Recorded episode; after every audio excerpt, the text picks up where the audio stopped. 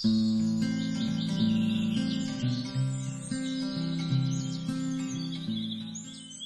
og velkommen til Hagepodden med Vibeke og Anders. Hei. Anders, i dag skulle vi egentlig ha besøk, men det ble ikke noe av. Nei, det ble litt vanskelig med koronasituasjonen, så er det jo Vi begynner å bli vant til at ting blir avlyst og flytta på. ja. Men eh, plutselig en gang så, så eh, får vi til det òg. ja, det håper vi. Men vi skal ha et annet tema. Ja, i dag skal vi snakke om høstløk. Det blir bra. Ja, det er noe Jeg syns det er så koselig når man eh, om våren, etter en lang vinter, så kommer krokusen og blomsterløkene blomstrer.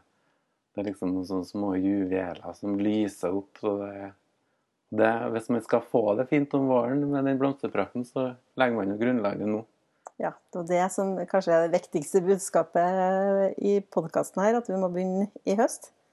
Ja, det er litt sånn, man kan synes det er litt sånn kjedelig, og det gjør jeg sjøl òg. Og hvis det er litt sånn mørkt, og blir så mørkt fort om kveldene, ikke sant, og mister litt arbeidslysten i hagen, kanskje. Mhm. Og at det er litt kaldt og guffent, og så begynne å plante løk. Selv om det egentlig er ganske kaldt om våren, men da har vi liksom iven etter oss etter en tung vinter. Det er noe med det. Men det er litt sånn å prøve å gjøre det litt hyggelig. Og ei venninne av meg hun bruker å tenne opp ei bålpanne når man setter eh, høstløk, og det har jeg begynt med. å bli litt sånn koseligere, for da kan man varme fingrene sine litt på Ta litt gløgg eller eh, Det høres kjempekoselig ja, ut. grille ei pølse eller noe. Gjøre litt sånn koselig av det. En veldig hyggelig måte å sette løk på det. da. Ja. Mm. Men de her løkene som eh, man setter på høsten, det er jo ikke alle man kan sette nå. Noen må man jo sette på våren og ta inn òg. Um, ja, nå tenker jeg liksom på de eh, standard eh, høstløkene, sånn som krokus og tulipaner og alium, og, og dem som du får kjøpt i, på hagesenter, eller i Mange har jo fått kataloger, og, mm. og det er et stort utvalg. Og de må gjøres, settes nå på høsten, da. Ja. Og eh, det er litt sånn eh, viktig at man eh, er litt raskt ut på enkelte ting, og så kan man Andre ting ikke er så viktig, men i hvert fall de småløkene de tørkes jo veldig fort inn. Iallfall hvis man kjøper løk på hagesenter, mm. så står de som regel ganske varmt i butikk. Og da tørkes jo fort inn. Iallfall sånne snøklokker og Rantis og sånne ting som du får kjøpt i sånne pakker. De er jo nesten døde når de er i salg, på en måte. Ja, for det har jo jeg lært av deg, at de bør bare får i jorda med en gang.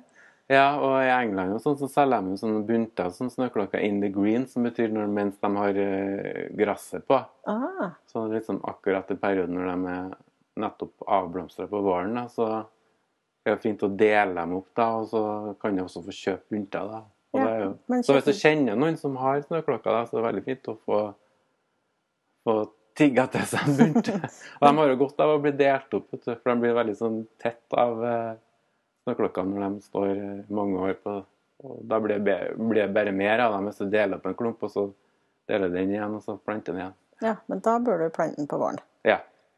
Når de er fortsatt grønne, akkurat når de er ferdigblomstra. Ja, men hvis du skal kjøpe den i butikken, da er løp og kjøp, plant den med en gang.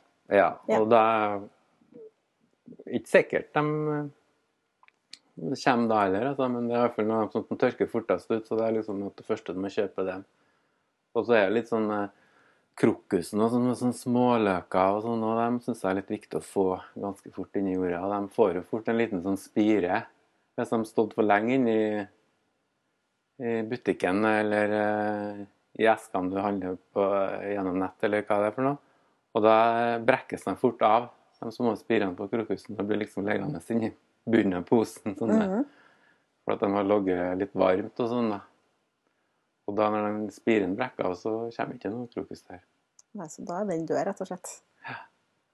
Så, Men men kan- tulipanene og sånn, de tåler litt mer eh, at du er litt senere og sånn. Og, ja, de kan jo kanskje kjøpe litt mer på salg og sånn. Og, Ja. men uh, jeg, det lønner seg å være litt tidlig ute, for det er noe med at uh, uh, Som jeg har lært av en sånn botaniker som Jeg snakka litt om i forbindelse med potting av løk i potter, da, for å ha sånn varierende uh, hell med det. da, så At de råtner fort. Mhm. At uh, Hvis jeg kjøper eksempel sånn salg på slutten av 70% eller fyller opp en pose for 50 kroner, eller noe sånt, så tenkte jeg kan jeg ha en del i potta. det kan jeg finne på. Ja, jeg har gjort det mange ganger, og det har, noen ganger har det gått veldig bra, noen ganger har det ikke gått bra. Og det har vært litt sånn at eh, de har råtna med en gang. Liksom. Det var sånn blaut sjøl om jeg hadde passa på å ikke vann, ja. særlig da. For det var liksom at råte som kan ta livet av dem. da. Men han lærte at det må ha en, løken må ha en periode med litt varme for å sette noen røtter. Mm. For det er væskegangen i løken. For at en løk er jo en opplagring av næring og mye vann i. Og så hvis de får sette litt røtter, så får de regulere vanninnholdet i løken. Sånn at når frosten kommer, så er det litt sånn Røttene har da tråkket ut litt vann ut av løken, sånn at den ikke blir ødelagt av frosten. Så det ikke blir en sånn blaut, råtten slafs av den. da. For den bør jo stå litt sånn godt drenert, de løkene. Ja, mange av tulipanene sånn her kommer jo fra sånn tyrkisk eh, fjellandskap der det er veldig mye sånn grus og sand. Ja. Men det er også det er viktig da, at de får en periode der de får noen eh, uker på seg og setter litt røtter på høsten. Så de vokser Mhm. litt på høsten. da. Og det jo, betyr jo ikke at det må være varme, men at det ikke er sånn eh, blir for sent på året. da. For at jorda holder jo litt varme i, Det er varmere i jorda nå enn i lufta. liksom. Mhm. Men det betyr at du bør ha litt sånn god timing i forhold til frost, da. Ja, Sette den noen uker før frosten Ja, så iallfall hvis du bor ganske langt opp i landet, sånn som vi gjør, da, så er det ikke noe Så har vi litt mer travelt med å sette løkene vi enn de som bor mm. Sørafor eh, Trondheim. da. Nå har jeg hatt en løkpakke på avveie her et år, og da fikk jeg jo faktisk satt løk i desember, og det gikk faktisk fint da, med de aller fleste. Jeg var litt sånn heldig med timinga. Det, faktisk, det var ikke frost i bakken, sånn at jeg kunne sette dem, og så ble det mildvær i noen uker, sånn at det ble en slags høst igjen. Da. Ja, da var det Da gikk det fint. Ja, jeg satt tulipaner i mars, jeg òg. Og det gikk også bra. Ja, Jeg satte det i potte og satte på verandaen, og det gikk bra. Ja. Men de trenger også en sånn periode med fem-seks uker med kalde. Så hvis du har en potte, sett løk i potte, bare sett i drivhus, eller sett en varm plass, så ikke får en kaldeperiode, så blir det bare bladverk, ikke blomster. også. Ja, så du må rett og slett ha det litt, litt kaldt. Så de må ha kaldt òg. Men det trenger ikke være sånn at det er frost, men at den er mot null. Og... Men det blir jo frost ut her til oss, da. Ja, stort sett så blir det det. Men har du en favorittløk? Uh, ja, jeg er veldig glad i krokusen om våren. Det er jeg kjempeglad i. For det er liksom sånn tidlig, og den kommer opp hvert år. Og, Mhm. så den er Og den er Den er litt sånn at jeg tenker at eh, når du skal sette løk om høsten nå, så er det kanskje ganske fullt inni bedene. Så tenker du hvor skal jeg sette løken? For eh, det er så store bladverk, og kanskje du har masse stauder som er litt sånn romslige av seg. Mm. Men da må du tenke at hvordan er det her på våren når krokusen blomstrer, når alt er kutta ned? Det er ikke så lett å huske på. Nei, da er det liksom bare jord, nesten. Du Ja, føler liksom at eh, det er ingenting som er grønt, det er bare jord. Og da er det litt sånn at vi fort gjort har, har en tendens til å sette krokusen bare helt i framkant av bedet, syns jeg. da. Helt liksom i sånn eh, kanten mellom overgangen mellom gress og bed. Mhm. Der setter man en liten, liten klynge med krokus. Det gjør du. der og der. Jeg for eksempel gjør det. Ja, jeg har masse av det. Men altså, senere årene så har jeg tenkt at det er egentlig veldig dum plass å plassere dem. For at du får jo, når de er ferdigblomstra igjen, så blir det liksom en sånn gravstuff som blir heng, liggende veldig mm. lenge inni på kanten der, som vises veldig godt eh, på bedkanten, som blir stående lenge. Og eh, vi kan jo liksom ikke klippe av til løken heller, for det skal jo visnes naturlig ned til løken for at den skal spare seg opp energi til neste års blomstring. Og da er det litt en fordel også prøve å flytte litt løken, krokusene i hvert fall, og inn i bedene. Og kanskje helt inni nesten en staude. Jeg har ikke noe å si det, men du planter nesten oppi en staude. Eksempel hvis du har eh, hosta, sånn som er veldig stor Noen store, Nå- fine ja. ja, nå, men hvis du setter noen krokus helt inni krona nesten på den, så de har jo ikke kommet opp når den krokusen blomstrer, for de er jo så sene om våren igjen. Men har du oversikt over all løken du har? For jeg kan jo noen ganger bli litt overraska over Oi, her var det noen løk når jeg begynner å grave, eller skal sette ned en ny støvde, eller et eller annet. Hvordan klarer du å holde oversikt over det?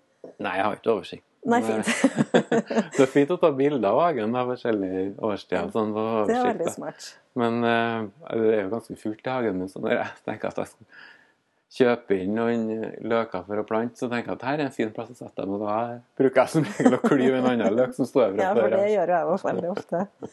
Og spesielt de alimaene som vi snakka om, og eh, dem er jeg veldig glad i, og dem er jo sånn Ja, det er jo løk samme slekt som gressløk. Mhm. Blomsten ser jo lik ut som det, men det finnes jo masse forskjellige alimer. De er jo ganske Den er store. Det finnes jo Purple Sensation, som er kanskje den mest vanlige. da. Og de blomstrer litt sånn etter tulipanene, og de blomstrer ja, en periode kanskje da mye av den tidligste løkblomstringa er ferdig, og så stødene ikke begynt med en gang. Så det er en sånn, mellomstadie som er veldig fint. Jeg syns de er så artige, for de har jo så fin kule, og de får liksom litt høgde, sånn at de, de leker jo opp et bed. Ja, de svever ganske over andre steder. Ja, ja. og de er, men de de, når de blomstrer, så begynner allerede bladverket så de til å visne. Mm. Men de visner veldig fort. Ja, for de får, bladverket kommer opp ganske tidlig om Ja, våren. det det. kommer eh, nesten med krokusen, så begynner du å se at bladverket begynner å komme opp. Så, eh, så de er i vekst, liksom. Og så, når bladverket begynner å viske ned, så kommer den i blomst. Og derfor så er det litt sånn viktig at den kan eh, komme opp imellom andre steder, hvis jeg skjønner hva jeg mener. Mm. Så du kan bare plante den liksom ganske tett innat andre steder, og så kan den vokse liksom opp igjennom. Sånn at eh, litt av det visne bladverket eh, ikke vises så godt. da. Og når de blomstrer, når det visner veldig bladverket, så tøles de, og så klipper av litt av det òg, da. Ja. Men her i hagen, også når de er blomstra ferdig, da de får lov til å stå, for jeg syns kulene er litt fine når de er ferdig blomstra òg, så kommer det jo fullt av sånn svarte frø i dem. Og hvis jeg lar dem bare stå, så har jeg altså veldig mange avleggere etter et år eller to. Ja, det tar noen år før de blomstrer, men det kommer opp sprer sånn, ja, sånn det- små gress, liksom. Ja, de visner ned gresset, da. Men jeg bruker å nappe dem opp litt, da, når de har eh, Jeg bruker å la dem stå til du ser at stilken begynner å bli vissen, eller at den skifter farge fra grønt til gul. gul. Så kan jeg bare ta et sånt raskt napp. Og da får jeg den opp uten at løken blir med opp, da. Ja, fordi jeg tror at det er smart hvis ikke du vil ha alle disse smågressene etterpå. For at jeg kan ha i noen bed helt full av sånne gress hvis jeg lar dem stå. Så kan du tørke dem og spraye dem, for eksempel, eller bruke som julepynt. Ja, der ser du, ja. Kan du planlegge jula allerede? ja. Men Anders, hvis det er sånn at du har vært ute og handla posevis med løk, og du kommer tilbake, hva, hva slags type grunnarbeid vil du anbefale at man gjør da? Eh, nei, det er litt opp til seg sjøl. En del eh, liker jo å plante i sånn løkkurv. Mhm, Har du brukt det, eller? Aldri brukt. Det er en sånn, spesielt til tulipaner, da, så er det veldig greit. da. Eh, og da, For at du har jo det gresset på tulipanene, så når de skal stå for visne ned av seg sjøl, så ser det veldig sånn stygt ut. Så, det ser ikke fint ut. så da kan du liksom nappe opp løkkurven og så sette den på en litt sånn kjedelig plass i hagen og la den Ja, få sånn, visne ja. ned. Ja. Og så får de også litt sånn sideløker, tulipanene. og Da kan du ta, når de og tørker inn her i løpet av sommeren, så kan du ta av de sideløkene og Mhm. plante ned bare de største som gir For ellers blir det veldig tett med sånn bladverk, tett ja, bladverk av eh, tulipaner. Og de er egentlig Jeg snakka med en sånn nederlander som jeg kjenner, som fra Gerben, som uh, har mye med løk å gjøre. Da. Han uh, snakka med litt om sånn tulipanproduksjon, og det er jo Nederlenderne er jo eksperter. har Alle sammen sikkert sett sånne bilder av sånne åkre som er i forskjellige farger når tulipanene står og blomstrer. Det ser jo helt fantastisk ut. Ja, det gjør det. Det ser veldig trist ut når du ser sånne maskiner som kutter av toppene. Da har det skjedd det? Nei, det har jeg ikke sett.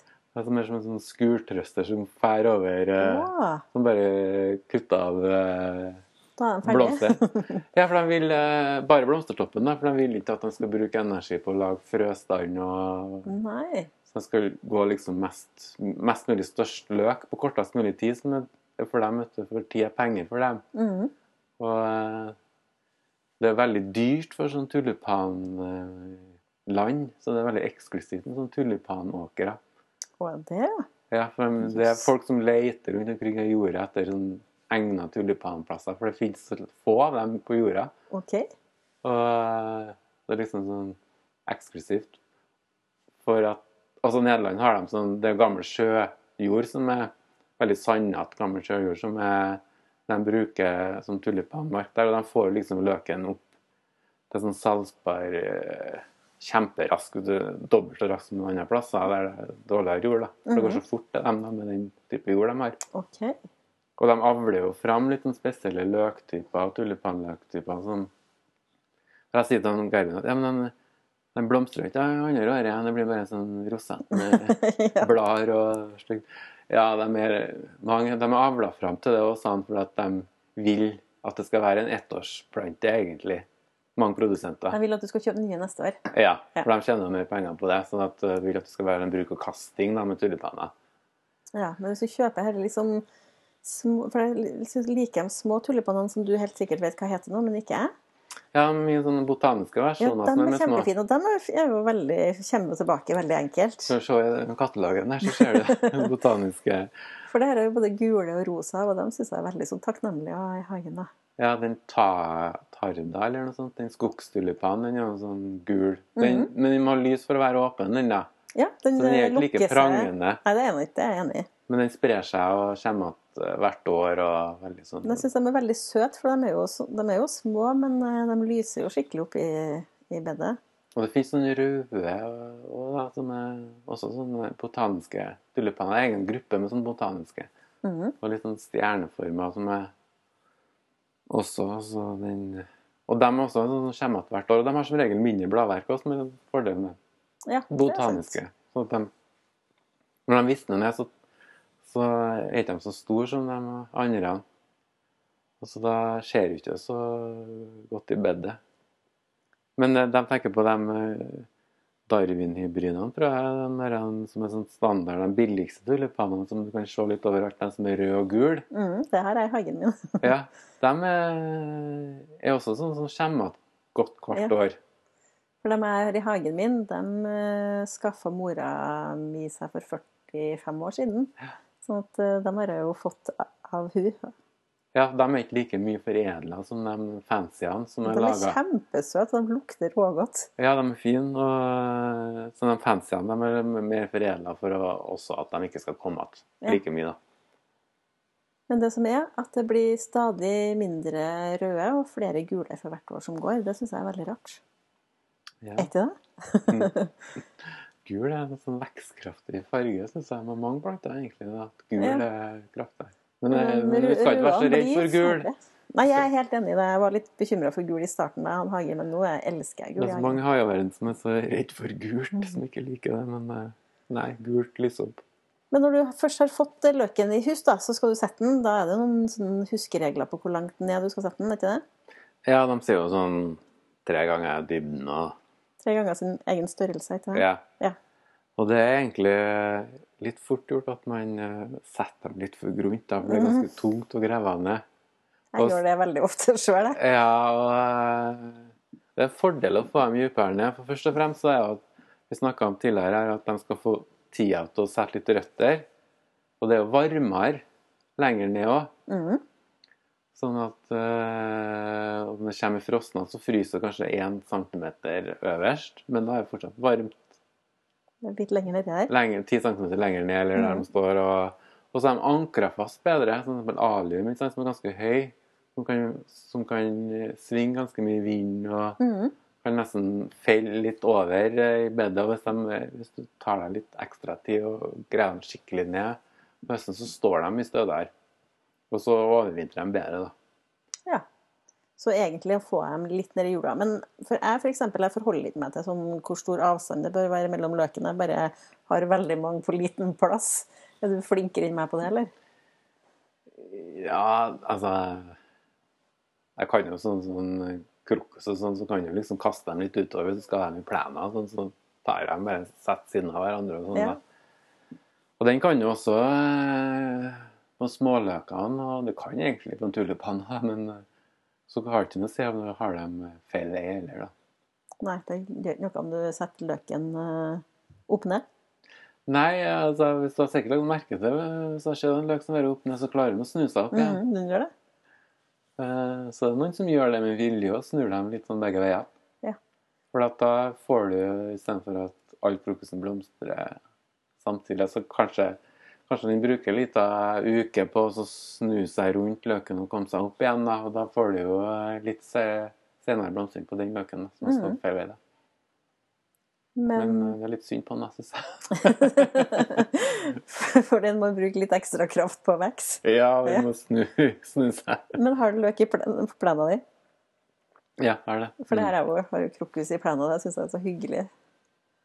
Når de dukker opp før plena har begynt å vokse. Ja, litt krokus og litt snøklokker, og så har jeg også noen ruteliljer. Ja, Ruteliljene er jo råfine, de har jo ikke snakka om. Det er jo kanskje min favorittløk. Og de er veldig, veldig søt. Ja. Og dem også kommer opp hvert år hvis du finner en plass de trives. Så det kan være en uh, idé å prøve dem litt på flere plasser i hagen. Og de er ganske små, de også. De tørker fort inn i butikken. De Ja. ser litt sånn rar ut, de løkene der sånn hvit, sånn, sånn Ja, delt. de ser litt sånn rar ut. Men de sprer seg veldig fort i hagen, i hvert fall. de. Ja. Eh, de liker litt fuktig mark. Så Oi, en, av- en av de få løkene som er motsatt av dem, andre snakker om god drenering og at du ikke skal være for, eh, for bløtt, sånn som Ja. tulipaner og sånn. Så. Men de er jo ganske fuktige, sånn gressmark der de kommer vanlig. Nei, For dem syns jeg de er veldig søte. Sammen med snøklokkene òg. Litt sånn fuktige, egentlig. Så. Ja, men de blir i tillegg mye, litt høyere enn du tror. I hvert fall blir ruteliljene her det. Ja. Så du ser for deg at det skal bli, bli en liten blomst, og så blir den faktisk Ja, jeg har det eh, med den der blomsterenga i hagen min. da. Å ja. Og så har jeg jo i bedet, da. Ja. Nei, de er også artige. Liksom, det er så snedig å se en plante som har det mønsteret i seg, som er så geometrisk, liksom. Altså, jeg har lest at det eneste blomst som finnes med ruta, men jeg vet ikke om det er sant. Ja, det vet jeg ikke heller, men det kan godt De hende det finnes. de er i hvert fall veldig søte.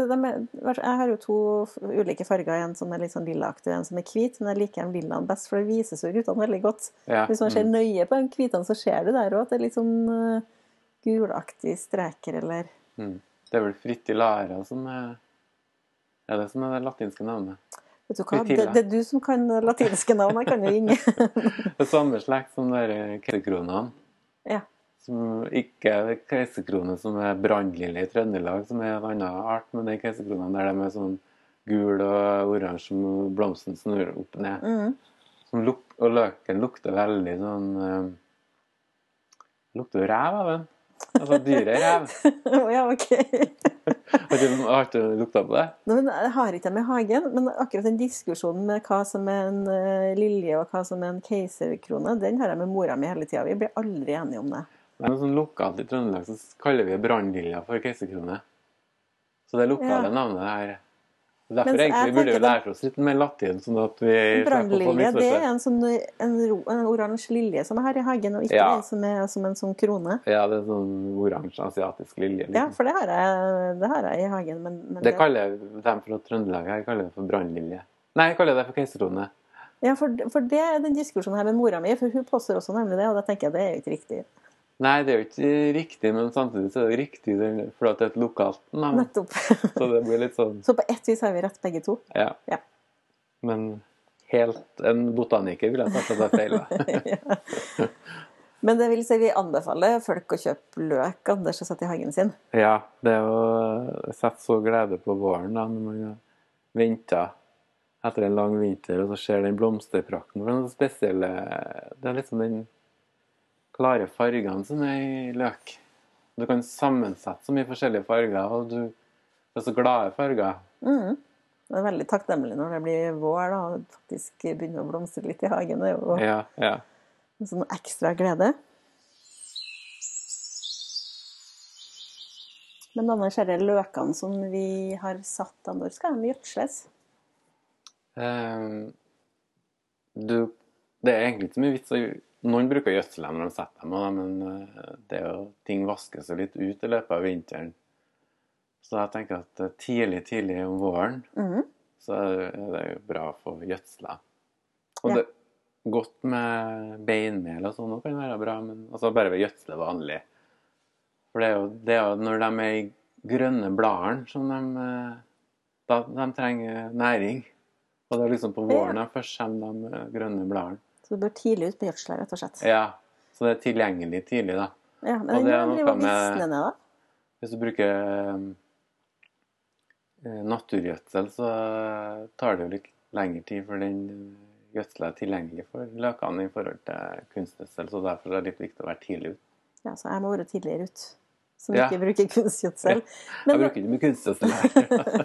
men når, de, når de holder på å skal visne ned trøndene For da har jo jeg lært, og det snakka vi litt om i stad, at da henter jo løken næring til neste år. Trenger den gjødsel? da? Nei, da er jeg liksom ferdig, da. Ferdig. Ja. Så det litt for sent å gjødsle, da. For da holder de på å bare tar, tar næringa som er i bladverket, tilbake. Nettopp. Så det er liksom å være tidlig ut. Og Derfor så er det mange som liker å gjødsle litt på høsten òg, for da har du litt sånn næring under løken. Eller når du setter litt gjødsel når du holder på å legge dem og sånn. Mm Mhm. det holder å gjøre det tidlig, tidlig om våren. Altså. Ja, så moralen er å gjødsle tidlig. Mm. Så bra. Men vi har jo også en fast spalte som heter Hva skjer i hagen nå? Det er egentlig noe artig som skjer i hagen nå. Ja, det er masse som blomstrer ennå. Ja. Det er veldig mye av de der eh, ja, georginene eller dahliaene som du har i potter eller i arbeid, og sånn, de står jo på det fineste nå. Mm -hmm. Så det er jo liksom å være ute og så passe på å klippe bort eh, når de er visna. -hmm. Så de er jo kjempefine. Enn så lenge. Enn så lenge det nærmer seg slutten nå. Ja, eller det vet vi ikke når frosten kommer. Nei, det er sant. Det har du rett i. Det kan jo være lenge ennå. Og så tenkte jeg på, jeg glemte å si at vi må, om lerkesporet. Det er jo ikke en sånn løk, men en sånn knoll som kommer tidlig om våren. Er det den gule kula? Nei, det er Det ikke. det er sånn kula, da, men det, det fins i eh, Solida er jo en sånn Corridalis Coriodalis er vel den latinske navnet. De er liksom i ja, noen i sånn eh, rosa, lilla, hvit, gul Ja, forskjellig. Og den Og det visner ned bladverket. Ja, men den bør settes nå. Ja. Ja. Mm. Mm. De fins sånne kataloger. og Sånn, det er ikke så, kanskje ikke så mye i vanlig i handel. Nei. Så det går an å bestille Ja. på nett. Mm. Mm. Hva skjer i dagen din, da? Um, nei, det er jo litt det samme som i din. Georginoen blomstrer jo veldig fint her òg. Noen har jo blomstra veldig seint i år, syns jeg, i forhold til tidligere. Jeg vet ikke om det er fordi det har vært så tørt og varmt. Men jeg heller på litt i kjøkkenhagen. og høster jo inn noe av det som står der. Fortsatt litt gulrot der, noen neper, reddiker. Og så klargjør jeg jo liksom kjøkkenhagen til våren. Så jeg dekker jo kjøkkenhagen min med sånn halm pga. alle kattene jeg har i nabolaget, så det skal jeg nå begynne med nå. Ja, ellers, Jeg liker jo høsten i hagen. Du sier jo at du er litt lei, men jeg har jo fortsatt litt sånn eh, go til å holde på. Jeg er ikke lei ennå, men eh, når du eh, kommer litt sånn slutten av september, så Ja. begynner jeg å bli litt sånn Da begynner ja. kanskje jeg å bli lei. Men jeg syns at hage, hagesesongen er fin ennå. Det er fortsatt en del Det har jo de eh, gertsianene, de kinasøttene, de står jo i knop ennå. Noen av dem. Ja. Noen av dem blomstrer men Jeg venter jo fortsatt på den her skyggelilja mi, som kanskje ikke du er like fan av som meg, da, men den blomstrer jo veldig veldig seint, og den har jo mye knopper nå, og den kommer vel sikkert i løpet av september, tenker jeg. nå har ikke høsta alle eplene dine? eller? Det har ikke jeg heller. Så vi har litt å gjøre ennå. Vi har litt å holde på med. Men det er jo sånn, Anders, at hvis at noen har spørsmål til oss, eller noen kommentarer, eller noen tips til tema, eller hva det skulle være, så kan vi jo kontaktes på Instagram. Og din konto er Anders Ebbesen, og mine fire i Kiellandsgata. Skal vi kanskje se at vi skal ha et arrangement i september med Økouka òg? Ja. Mm. Og da skal vi altså snakke om giftfrie hager. Og da er det påmelding på Facebook. Ja. Og så har jo også en Hagepodden har jo en Instagram-konto den òg, og Facebook-konto den òg. Det er kjempeviktig å si. Den håper vi at dere kan følge. Ja. Gi litt. Música